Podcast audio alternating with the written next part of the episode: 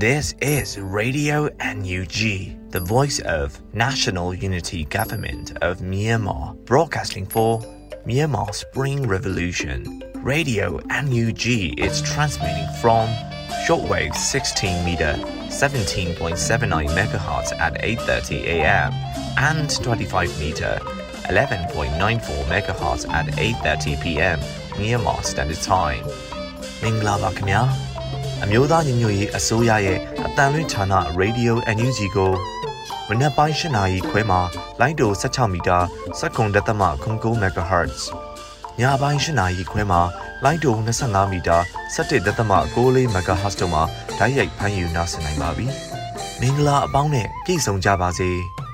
အခုချိန်ကစပြီး Radio NUG အစီအစဉ်တွေကိုဓာတ်ရိုက်အတန်မြင့်ပေးနေပါပြီ။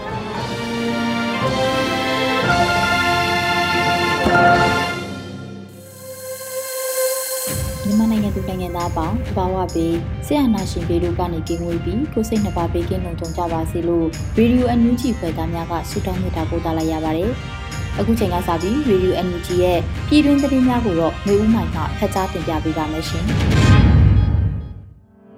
မင်္ဂလာပါရှင်။အခုချိန်ကစပြီး Radio UNG ရဲ့နောက်ဆုံးရသတင်းချင်းချုပ်ကိုဖတ်ကြားပါတော့မယ်။ဤသတင်းများကို ရေဒီယို UNG သတင်းတောင်ခံများနဲ့ခိုင်လုံသောမိဖက်သတင်းရမြင့်များစီမှအခြေခံတင်ပြထားခြင်းဖြစ်ပါတယ်ရှင်။ကျွန်မຫນွေဦးမိုင်းပါ။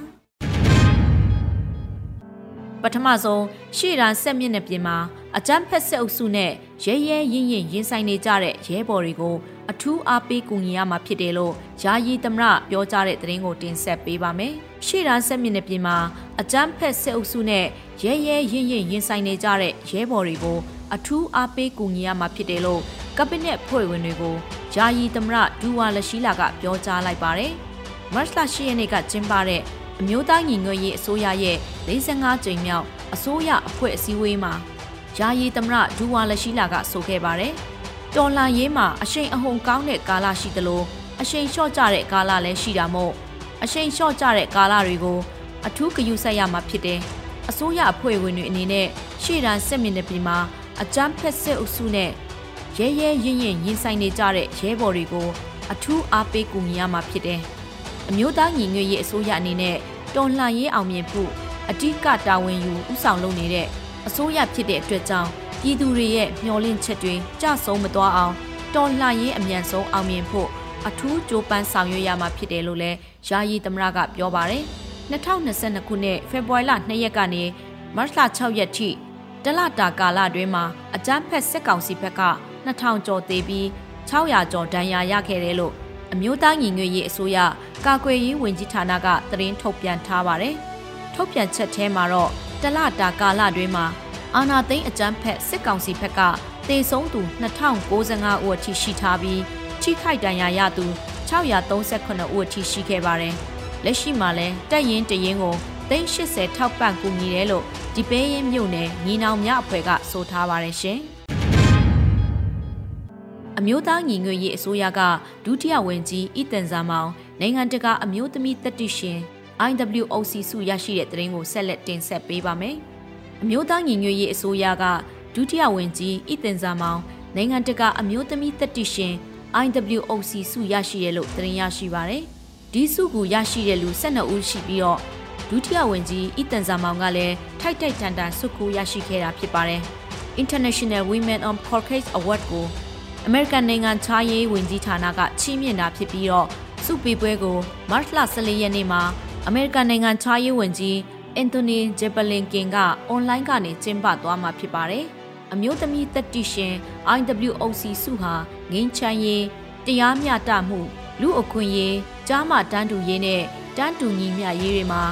ဆွမ်းဆွမ်းတမန်ကိုကျိုးစွန့်အနစ်နာခံလှုပ်ဆောင်နေတဲ့အမျိုးသမီးတွေကိုအတိအမှတ်ပြုတဲ့အနေနဲ့နှစ်စဉ်ချင်းမြင့်နေတဲ့စုဖြစ်ပါတယ်။ IWOC စုပေးပွဲကို2009ခုနှစ်ကစတင်ကျင်းပခဲ့တာဖြစ်ပြီးကမ္ဘာနိုင်ငံ80ကျော်ကအမျိုးသမီး190ကိုပေးအပ်ပြီးဖြစ်ပါတယ်ရှင်။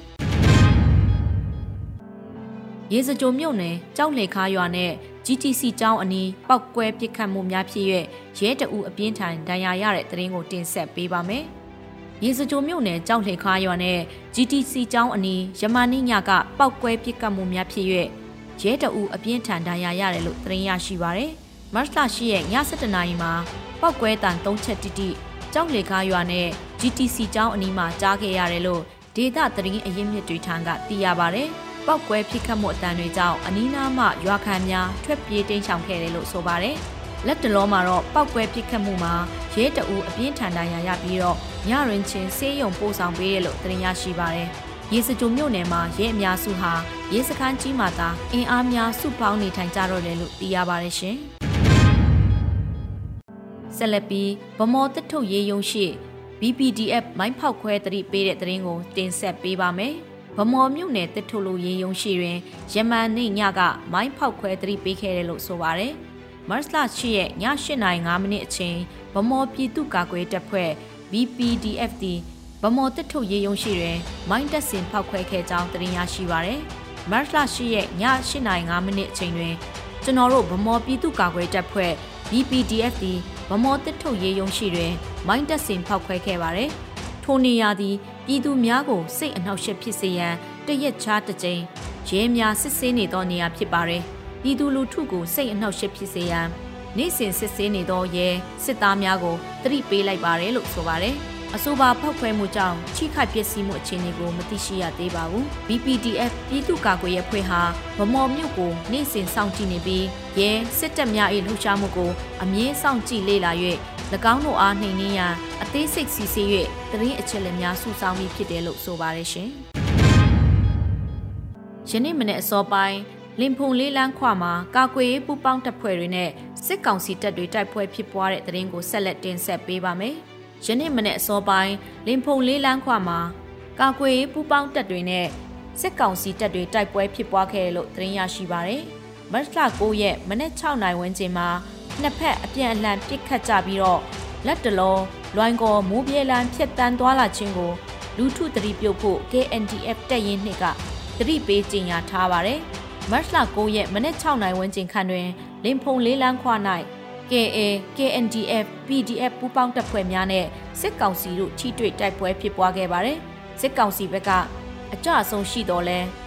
မိမိတို့နဲ့မဟာမိတ်တပ်ဖွဲ့များအကြဆုံးမရှိဘဲဆုတ်ခွာနိုင်ခဲ့တယ်လို့ KNDF ကဆိုထားပါတယ်။ဒါ့အပြင်လွိုင်ကော်မိုးပြေးလမ်းမကြီးအားဖျက်တမ်းသွားလာခြင်းမပြုသေးရန်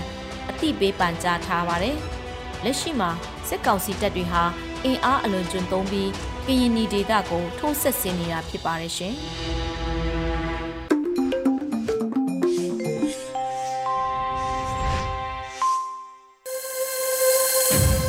ဗီဒီယိုအန်ယူဂျီရဲ့ညပိုင်းစီစဉ်တွေကိုဆက်လက်တင်ပြနေပါတယ်။အခုတစ်ခါတော်လှန်ရေးကြပြအစီအစဉ်မှာ KOC ရေးသားပြီးမျိုးဦးမှုဖတ်ကြားတင်ပြထားတဲ့စစ်ပွဲဆိုတဲ့တော်လှန်ရေးကြပြကိုနားဆင်ကြရမှာဖြစ်ပါတယ်ရှင်။စစ်ပွဲ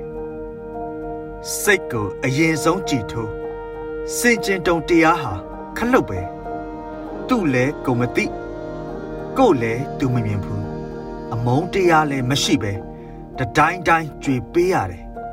ငိမ့်ချမ်းရေးစကားပြောကြဖို့တနတ်တွေအရင်ဖောက်ကြတယ်စကားတခွန်းအတွက်ဘယ်နှယောက်ကြေးလဲစုတစိမ့်နဲ့အသက်အလဲအထက်လောက်ကြရင်နောက်ဆုံးဓာတ်ပုံဘေးမှာ အသက်မဲ့စုတစိတ်တွေ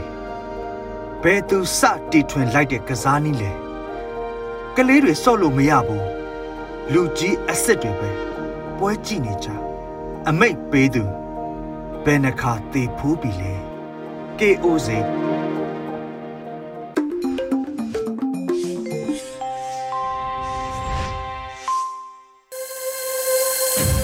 ဗီဒီယိုအန်ယူဂျီရဲ့ညပိုင်းစီစဉ်တွေကိုဆက်လက်တင်ပြနေပါတယ်။ အခုဆက်လက်ပြီးမမခသတင်းမြင်ကွင်းစောင်းမအစီအစဉ်မှာတော့မြန်မြန်ဆန်ဆန်မြင့်တက်နေတဲ့ကုန်စည်နှုန်းတွေနဲ့လက်နက်ကင်ပြိပက္ခအခြေအနေဆိုတဲ့မမခစောင်းမကိုတော့မေဦးမောင်မှဖတ်ကြားတင်ပြပေးထားပါရရှင်။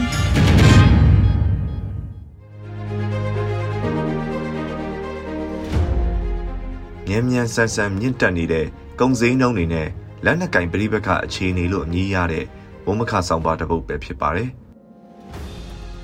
မြန်မာနိုင်ငံမှာလည်း မြန်မာနိုင်ငံရဲ့အကြက်အတဲနဲ့လက်နက်ကင်တိုက်ပွဲတွေကြောင့်ကုန်စည်နှုန်းတက်တာကုန်စည်တဲဆောင်ရေးလမ်းတွေပိတ်ဆို့နေတာနိုင်ငံရေးမတည်ငြိမ်မှုကဈေးကွက်မှာယုံကြည်မှုကျဆင်းစေပြီးမြမငွေတန်ဖိုးကျဆင်းလာနေတဲ့အချိန်မှာပဲဥရောပနိုင်ငံရေးပြဿနာလို့ခေါ်ဆိုရမယ်ယူကရိန်းစစ်ပွဲမဖြစ်ပွားမီကတည်းကတရိပ်ပြနေတဲ့ရေနံဈေးနှုန်းဟာဖေဖော်ဝါရီလ24ရက်နေ့ရုရှားကစတင်ကျူးကျော်တိုက်ခိုက်ပြီးနောက်မှာတော့ပုံမမြင့်တက်ခဲ့တာခုနောက်ဆုံး တစီကို129ဒေါ်လာအထိရောက်ရှိပြီးငကိုကလေးကကြက်တဲနေတဲ့မြန်မာနိုင်ငံကလူလူအဖို့လောင်စာစီစင်းတို့မြင့်တက်မှုတံကိုထပ်ဆင့်ခန်းစားကြရအောင်မှာဖြစ်ပါတယ်။ဒီကနေ့ရန်ကုန်မြို့ကလောင်စာစီဈေးနှုန်းတွေကိုကြည့်ရင်62အောက်တိန်းတင်2130ကျပ်လောက်ရောက်ရှိကပရီမီယံဒီဇယ်က2300ကျပ်ကျော်ကျော်ကိုရောက်ရှိသွားပြီဖြစ်ပါတယ်။တရက်အတွင်းကြက်ရာကနန်းနဲ့ချီဈေးထက်မြင့်တက်ခဲ့တာဖြစ်ပြီးရန်ကုန်မြို့ရဲ့ဈေးနှုန်းဟာ တင်တွင်းတဲ့စိတ်ကမ်းမြို့ဈေးနှုန်းဖြစ်လို့မြန်မာနိုင်ငံမှာအနှိမ်ဆုံးဈေးနှုန်းဖြစ်ပါတယ်။ကျန်တဲ့မြို့တွေရောက်ရင်တလီတာအနည်းဆုံး85ကျပ်ကနေရာကနန်းအထိထပ်မံမြင့်တက်သွားမှာဖြစ်ပြီးတိုက်ပွဲဖြစ်နေတဲ့နေရာအသွာအလာကန့်သတ်မှုတွေရှိတဲ့ဒေသတွေမှာတလီတာကိုကြက်ထောင်ကနန်းချီမြင့်တက်သွားတာမျိုးလဲကြားသိနေရပါတယ်ခင်ဗျာ။နိုင်ငံအသီးသီးမှာလောင်စာစီဈေးတွေမြင့်တက်လာနေတော့လဲမြန်မာနိုင်ငံလိုစစ်ပွဲတွေနဲ့ကမ္ဘာရေနံဈေးမြင့်တက်မှုတန်နှစ်ဆင့်ခံနေရတဲ့နိုင်ငံတွေတော့ များများဆဆရှိမယ်မထင်ပါဘူး။နေစဉ်တောက်သုံးနေတဲ့တောက်ရည်တန်တပူးကိုကြက်တရာ200မြင့်တက်သွားပြီးနေစဉ်စားတောက်ကုန်ဝယ်ယူနေတဲ့ဈေးထဲမှာလည်းအသားငါးဈေးနှုန်းတွေမြင့်တက်လာပါတယ်။ရခင်ကျပ်15000လောက်ရှိတဲ့ကက်ကရစ်5တပိတ်တာကိုအခု18000ကျပ်ဖြစ်လာသလိုပဇွန်တပိတ်တာကျပ်25000ဘောချိတ်က15000လောက်ထိရောက်ရှိနေပြီဖြစ်ပါတယ်။စားအုံးကြီးမြေဘဲစီဈေးတွေလည်းခုရက်ပိုင်းတိတိတသားမြင့်တက်လာနေတာသတင်းတွေထဲတွေ့ရမှာဖြစ်ပါတယ်။ ရန်ကုန်မြို့ကဘတ်စကားကားတွေတရားဝင်ဈေးမတက်ပေမဲ့လည်း YRT ကုမ္ပဏီပိုင်ကားတွေမတက်တော့လဲပုဂ္ဂလိကတဦးချင်းပိုင်တဲ့ကားတွေကတိုးမြင့်ကောက်ခံနေပြီးသူတို့သတ်မှတ်တဲ့ဈေးနဲ့သူတို့ကောက်ခံကြတဲ့ကြားကားတွေလည်းပိုများလာတာတွေ့နေရတာပါ။ရန်ကုန်မြို့ကအခက်အခဲတွေဒုက္ခတွေကလည်းလူဦးရေတန်းတဲ့ချီရှိတာမို့ထင်ရှားပြီးမြို့ကြီးတွေလိုလူဦးရေမများတဲ့နယ်မြို့တွေကျေးရွာတွေမှာလည်းအသက်အန္တရာယ် ကျန်းမာရေးယောဂကပ်ပြီးစားရေးတောက်ရေးဒုက္ခတွေအကူအညီကိုအားကိုးနေထိုင်ရတဲ့ဘဝတွေအသက်ဆုံးရှုံးနေရတာတွေအများအပြားကြုံတွေ့နေရတာဖြစ်ပါတယ်။အလောက်ကန်ရှားပါခြင်းအုပ်ချုပ်သူနေရာမှာတာဝန်ယူထားတဲ့စစ်ကောင်စီကိုနိုင်ငံတကာကအတိအမှတ်မပြုခြင်းနဲ့ပြည်ပခနိုင်ငံရေးပြဿနာကြောင့်ယင်းဒီမြုပ်နှံမှုမဝင်ရောက်တော့တာထွက်ခွာသွားတာတွေကမြန်မာနိုင်ငံလူထုအတွက်ပိုပြီးဆင်းရဲမှုနုံနဲ့နစ်စေတာဖြစ်ပါတယ်။ မြမနိုင်ငံရေးပြဿနာမပြေလည်နိုင်သေးခင်မှာစီးပွားရေးဖွံ့ဖြိုးတိုးတက်မှုကိုမျှော်လင့်ဖို့ထက်စင်ရဲမွဲတေမှုမြင့်အောင်ပိုပြီးမရောက်သွားဖို့ကသာစ조사ကြရမယ့်အခြေအနေမျိုးဖြစ်နေပြီးဒီထက်ဆိုးတဲ့အခြေအနေမျိုးဖြစ်ပေါ်ခဲ့ရင်တော့လက်နက်ကင်ပဋိပက္ခပိုပြီးကျဲပြန့်လာတာဥပဒေစိုးမိုးမှုမရှိတော့ဘဲကျန်းမာရေးပညာရေးစတာတွေမလုံဆောင်နိုင်တော့တဲ့ကြာရှုံးနိုင်ငံအနေအထားမျိုးလဲကြားရောက်နိုင်ခြေတွေရှိနေတာဖြစ်ပါတယ်။ လက်နက်ကင်ပြည်ပကစီရေးတိုက်ပွဲတွေအနေထားကလာမဲ့6လအတွင်းတစ်နှစ်အတွင်းအနိုင်အရှုံးအပြေထွက်နိုင်မလားဆိုတာအများကအသိကျင်ဆုံးအပြေဖြစ်ပါတယ်။လက်ရှိဖြစ်ပွားနေတဲ့လက်နက်ကင်တိုက်ပွဲတွေကနေနိုင်ငံရေးအာဏာချုပ်ကင်နိုင်တဲ့အထိအနိုင်ရနိုင်ခြေရှိသလားဘယ်လောက်အချိန်ကာလအတွင်းရောက်နိုင်မလဲဆိုတဲ့မေးခွန်းတွေကလူတိုင်းလိုလိုသိလိုကြတဲ့မေးခွန်းတွေဖြစ်ပါလိမ့်မယ်။ ဒါပေမဲ့အဖြေကတော့ထင်သလောက်မလွဲကူတာလူတိုင်းနားလည်ကြပြီးအမှန်တကယ်မှာတော့လူတို့ရဲ့ခံနိုင်စွမ်းတောက်ခံနိုင်စွမ်းကများများဆဆမရှိတော့တာကြောင့်လဲအောင်ပွဲကိုမျောလင်းကြတာဖြစ်ကောင်းဖြစ်ပါလိမ့်မယ်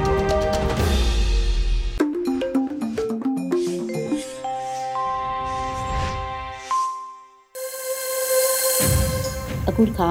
Radio NUG ရဲ့တော်လှန်ရေးတေးဂီတာအစီအစဉ်မှာတော့ဆလိုင်းထန်ကီရေးသားပြီးတော့ဆလိုင်းတန်ထွန်းတည်ဆူထားတဲ့ မျိုးဦးတော်လှန်ရေးအလွမ်းဆိုတဲ့တော်လှန်ရေးတေးဂီတာကိုနားဆင်ကြရမှာဖြစ်ပါရဲ့ရှင်။ညီမလေး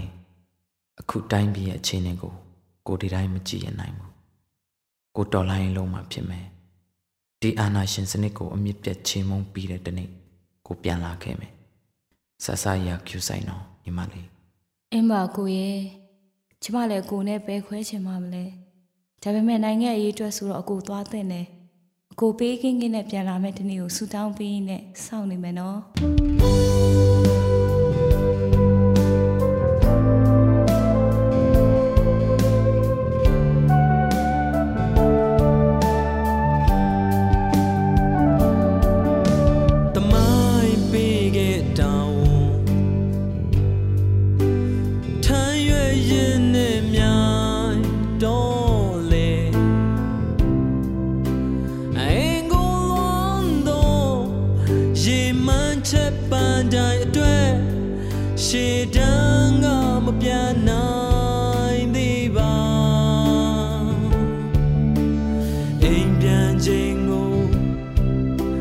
တော်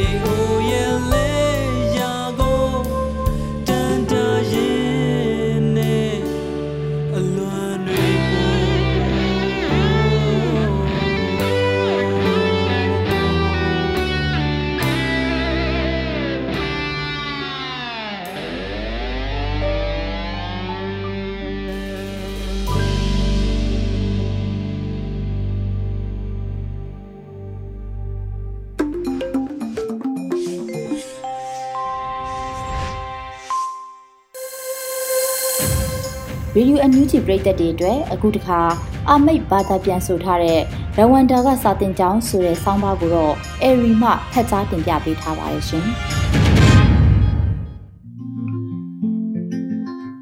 ရဝန္တာကစာတင်ကြောင်းရဝန္တာနိုင်ငံကစာတင်ကျောင်းတစ်ခုမှာကျောင်းသားတစုပျော်ရွှင်စွာနဲ့စာတင်နေကြပါတယ်။ကျောင်းစာတင်ချိန်ပြင်ပမှာမိန်းကလေးတွေကငွေကြေးစီမံခန့်ခွဲနည်းနဲ့မိသားစုဝင်ဥယျာဉ်များပြားလာမှုကိုထိန်းချုပ်ဖို့ မျိုးဆက်ပွားကျန်းမာရေးနည်းလမ်းတွေတင် जा နေရချိန်မှာယောက်ျားလေးတွေကတော့မိန်းကလေးတွေနဲ့အမျိုးသမီးတွေကိုဘယ်လိုလေးစားစွာဆက်ဆံကြမလဲဆိုတဲ့နည်းလမ်းအနေနဲ့သူတို့ကိုအနိုင်ကျင့်နှိပ်စက်နေတာတွေတွေ့ရင်တာဝန်ရှိသူတွေကိုတိုင်ကြားဖို့နည်းလမ်းတွေကိုတင် जा နေကြရတာဖြစ်ပါတယ်။တရားဝင်သတ်မှတ်ထားတဲ့စာသင်ချိန်တွေပြီးရင်အထက်ပါသင်ခန်းစာတွေကိုကျောင်းသားကျောင်းသူတွေကအချိန်မိုသင်ခန်းစာအနေနဲ့မိန်းကလေးတို့အတွက်ဘေးကင်းလုံခြုံရေးကျောင်းဆိုတဲ့နေရာတစ်ခုမှာသင်ကြားကြရတာဖြစ်ပါတယ်။ ကျောင်းတက်ရက်တိုင်းရဲ့နေ့လယ်ပိုင်းအချိန်တွေမှာယောက်ျားလေးနဲ့မိန်းကလေးတွေဟာအုပ်စုတွေခွဲပြီးမတူကွဲပြားတဲ့နီလန်းပေါင်းစုံကနေရဝန္နာအမျိုးသမီးတွေရဲ့ဘဝတိုးတက်လာစေမယ့်နီလန်းတွေကိုလေ့လာကြရပါတယ်။ဒီနေရာလေးကယောက်ျားလေးတွေအတွက်အမျိုးသားတွေသူတို့အမျိုးသမီးတွေအပေါ်မှာပြုလုပ်လို့ရှိတဲ့အကြမ်းဖက်မှုတွေနဲ့ထိခိုက်နာကျင်မှုတွေမပြုလုပ်ဖို့ထုတ်ဖော်ပြောဆိုတဲ့နေရာတစ်ခုဖြစ်လာပါတယ်။အကြမ်းဖက်မှုတွေမြင်ရတာနဲ့တာဝန်ရှိသူတွေကိုတိုင်ရပါမယ်လို့ အသက်18နှစ်ရှိပြီဖြစ်တဲ့ရီနီမူတီဂျီမာက BBC ကိုပြောပါတယ်။အကြမ်းဖက်ခံရတဲ့မိန်းကလေးတွေကိုကိုကြီးထောက်ပံ့ပြီးလူအဖွဲ့အစည်းတွေပြန်လည်ဝင်ရောက်လာနိုင်အောင်ခွန်အားတွေလည်းပေးရပါမယ်လို့သူကထပ်ပြောပါတယ်။အခုဆိုရင်အနောက်နိုင်ငံတွေမှာလိမ်မိုင်းဆိုင်ရာအနိုင်ကျင့်ခံရတဲ့အမျိုးသမီးတွေအနေနဲ့ငြိမ်းချမ်းမနေပဲခန်းစားချက်တွေထုတ်ဖော်ပြသဖို့ #MeToo ဆိုတဲ့လှုပ်ရှားမှုတွေလည်းပြုလုပ်နေကြပါတယ်။စာတင်ကျောင်းတွေကနေတဆင့်အိမ်တွင်အကြမ်းဖက်မှုတွေနဲ့ လိမ်မိုင်းဆိုင်ရာပါဝါမညီမျှမှုအဆက်ဆက်ကြားကကွာဟမှုတွေအတွက်အပြေတစုံတရာရလာမယ်လို့ရဝန္နာပြည်ရင်းကအစိုးရမဟုတ်တဲ့အဖွဲ့အစည်းတစ်ခုနဲ့ပူးပေါင်းလှုပ်ဆောင်နေတဲ့ခရီးယန်သူတေသနာနဲ့ပညာရေးအဖွဲ့အစည်းကယုံကြည်နေပါတယ်။မရိမှုနဲ့လူမျိုးတုံးတပ်ဖြတ်မှုတွေဖြစ်ပွားခဲ့တဲ့ရဝန္နာနိုင်ငံဟာအမျိုးသမီးတွေအပေါ်မှာပြုလုပ်ခဲ့တဲ့ရက်ဆက်ကြမ်းကြုတ်တဲ့ပြစ်မှုတွေနဲ့ရင်ဆိုင်နေရဆဲပဲဖြစ်ပါတယ်။1994ခုနှစ်ကဖြစ်ပွားခဲ့တဲ့အစွန်းရောက်ဟူတုလူမျိုးတွေက တူစီလူမျိုးတွေနဲ့ဂျားနေဟူတုလူမျိုး၈သိန်းကျော်ကိုတပ်ဖြတ်ခဲ့တဲ့ရက်တရာအတွင်းသွေးကြောင်းစီးတပ်ပွဲမှာလည်းရဝန္နာအမျိုးသမီး9သိန်းလောက်မရင်းချင်းခံခဲ့ရပါတယ်။မိတို့ပင်ဆိုစီကမူအခုနှစ်တွေမှာအာဖရိကအရှေ့ပိုင်းမှာတည်ရှိတဲ့ရဝန္နာနိုင်ငံလေးအနေနဲ့နိုင်ငံတွင်းမှာအာဖရိကန်အမျိုးသမီးဦးဆောင်မှုဝါဒပါရာဒိုင်းအပြောင်းအလဲအတွက်မျှော်လင့်ချက်များစွာရှိလာပါတယ်။နိုင်ငံရဲ့ပါလီမန်မှာအမျိုးသမီးကိုစားပြုမှု60ရာခိုင်နှုန်းကျော်နေရာရလာပြီး ကမ္ဘာပေါ်မှာအမျိုးသမီးကိုစားပြုမှုအများဆုံးပါလီမန်ဖြစ်လာပါတယ်။နိုင်ငံအဆင့်မှာအမျိုးသမီးတွေများစွာနေရာရလာခဲ့ပေမဲ့အောက်ခြေအဆင့်ကအမျိုးသမီးတွေရဲ့ဘဝတွေကတော့ခက်ခဲမှုတွေရှိနေသေးပါပဲ။ဘဝတက်တန်းတစ်လျှောက်မိမိလက်တွဲပေါ်ကအနိုင်ကျင့်မှုကိုပြည်တိရှအမျိုးသမီးတွေအနေနဲ့29ရာခိုင်နှုန်းအမေရိကန်အမျိုးသမီးတွေအနေနဲ့30ရာခိုင်နှုန်းအသီးသီးခံစားနေရချိန်မှာရဝန္နာအမျိုးသမီးတွေကတော့ 35ရာခိုင်နှုန်းလောက်အထိလက်တွဲပေါ်ရဲ့အနိုင်ကျင့်မှုကိုခန်းစားရနိုင်တယ်လို့ကုလသမဂ္ဂကတွက်ချက်ပြထားပါတယ်။တနိုင်ငံလုံးကကျောင်း184ကျောင်းမှာပြုလုပ်နေတဲ့မိန်းကလေးတို့အတွက်ဘေးကင်းလုံခြုံရေးကျောင်းဆိုတဲ့အစီအစဉ်ကနေတဆင့်ပါလီမန်မှာမျိုးသမီးကိုစားပြုမှုနှုန်းနဲ့ရဝန္နာအမျိုးသမီးတွေရဲ့နေ့စဉ်ဘဝအခက်ခဲကြားတွေကကွာဟမှုအချိတ်ဆက်တွေကိုတိုင်းတာမှုပြုလုပ်ပြီးပြင်ဆင်နိုင်ပါတယ်။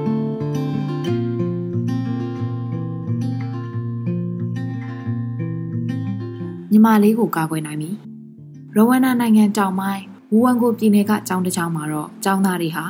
နေ့စဉ်နေ့လယ်စာသင်ချိန်ပြီးတိုင်းမတူညီတဲ့ခေါင်းစဉ်တွေကိုဖြည့်ရှင်းရပါတယ်။ယောက်ျားလေးတွေဟာရာသီသွေးဆင်းချိန်နဲ့အမျိုးသမီးတွေကိုငွေကြေးဆိုင်ရာအမျက်ထုတ်ခြင်းကနေကာကွယ်ဖို့နည်းလမ်းတွေကိုလေ့လာရပါတယ်။အဲဒီနောက်တပတ်ကိုတစ်ခါလူမှုလိမ်အခြေပြုအကြမ်းဖက်မှုတွေကိုဘယ်လိုရပ်တန့်ကြမလဲဆိုပြီးစကားဝိုင်းဖွဲ့ဆွေးနွေးကြပါသေးတယ်။2015ခုနှစ်ကစပြီး မိန်းကလေးတို့အတွက်ဘေးကင်းလုံခြုံရေးကြောင်းဆိုတဲ့အစီအစဉ်ကိုတနိုင်ငံလုံးကဆယ်ကျော်သက်မိန်းကလေး4800ယောက်ျားလေး19000နဲ့ပြုလုပ်ခဲ့ပြီးဖြစ်ပါတယ်။ဒီသင်ခန်းစာတွေဟာယောက်ျားလေးတွေအနေနဲ့ယဉ်ကျေးမှုဆိုင်ရာစံချိန်စံညွှန်းတွေရဲ့စန့်ကျင်မဲ့အရက်ကနေတလှည့်ရက်တည်ဖို့ပြန်လည်သင်ကြားပေးတာဖြစ်ပါတယ်။ပညာပေးသူအနေနဲ့ရဝန္နာရဲ့အတိတ်သမိုင်းဆိုးတွေကိုမတူးဆွပဲ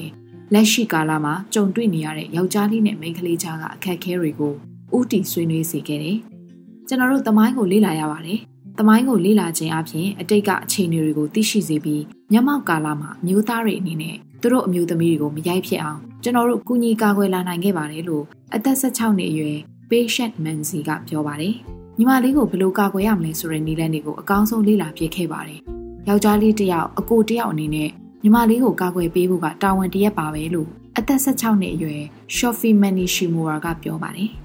နှစ်သိမ့်ဆွေးနွေးပေးခြင်းနဲ့ဇုံတွေတွေကိုပညာပေးခြင်းတွေကနေတဆင့်လဲအမျိုးသားတွေအနေနဲ့အမျိုးသမီးတွေပေါ်အကြမ်းဖက်မှု44ရာခိုင်နှုန်းလောက်အထိရောကြလာတာတွေ့ရပါတယ်။မိန်းကလေးတို့အတွက်ဘေးကင်းလုံခြုံရေးအကြောင်းရဲ့အဓိကရည်ရွယ်ချက်ကတော့ယောက်ျားလေးတွေကိုတင်ပေးစရာမလိုတော့အောင်မိန်းကလေးတွေအနေနဲ့အကြမ်းဖက်ခံရမှုကနေလွတ်လပ်ပြီးကိုယ်တိုင်ဥဆောင်ဥရွက်ပြုလာနိုင်စေမဲ့ပညာရေးမျိုးရရှိစေဖို့ဖြစ်ပါတယ်။စိတ်ပိုင်းဆိုင်ရာအကြမ်းဖက်မှုငွေကြေးဆိုင်ရာအလွဲသုံးစားလုပ်မှုနဲ့အကြမ်းဖက်မှု ရုပ်ပိုင်းဆိုင်ရာအကြမ်းဖက်မှုအစရှိတဲ့များစွာသောမတူကွဲပြားတဲ့အကြမ်းဖက်မှုပုံစံတွေကိုသိရှိနားလည်စေပြီးမှအကြမ်းဖက်မှုဆိုတဲ့ပြဿနာကြီးတစ်ခုလုံးကိုနားလည်လာအောင်သင်ကြားပေးပါတယ်။နောက်ထပ်တွေ့ရှိချက်တစ်ခုအနေနဲ့မိသားစုအတွင်းမှာယောက်ျားလေးတွေကမိန်းကလေးတွေထက်မိဘတွေကိုဩဇာပိုလွှမ်းမိုးနိုင်ပါတယ်။ဒီအစီအစဉ်ကနေတဆင်ဘေးနားမှာအသာငြိမ်ပြီးရက်ကြည့်နားထောင်နေတဲ့ယောက်ျားလေးတွေကိုအမျိုးသမီးအခွင့်အရေးအတွက်တွန်းတွန်းတိုက်တိုက်ရဲရဲဝံ့ဝံ့တောင်းဆိုသူတွေဖြစ်လာစေပါသေးတယ်။ မိသားစုအတွင်းမှာယောက်ျားလေးတွေကိုဦးစားပေးမှုကလည်းမိန်းကလေးတွေကိုစာတင်ကျောင်းတွေစီရောက်လာဖို့အတားအဆီးတွေဖြစ်နေပါသေးတယ်လို့အသက်18နှစ်အရွယ် Robert Ribertso ကပြောပါတယ်။သားတွေနီးတူသမီးတွေကိုပါကျောင်းပို့ပေးဖို့မိဘတွေကိုပြောဖို့ကကျွန်တော်တာဝန်ဖြစ်ပါတယ်။အကိုကျောင်းတက်ရင်ညီမလေးလည်းကျောင်းတက်နေရပါမယ်။အခုဖတ်ကြားတင်ပြပေးခဲ့တဲ့အကြောင်းအရာကိုတော့ The Rwandan School Turning Boys into Feminists by N. Bolenu Kigali ကိုအာမိတ်ဘာသာပြန်ဆိုထားတာဖြစ်ပါတယ်ရှင်။ ။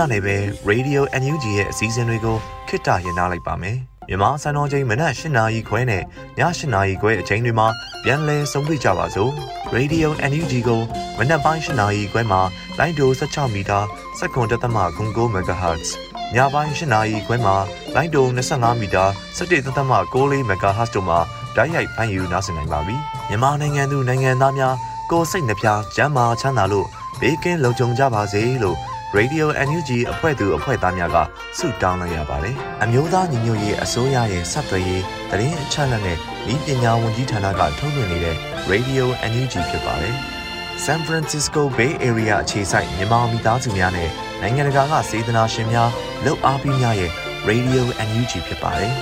။အရေးတော်ပုံအောင်ရမည်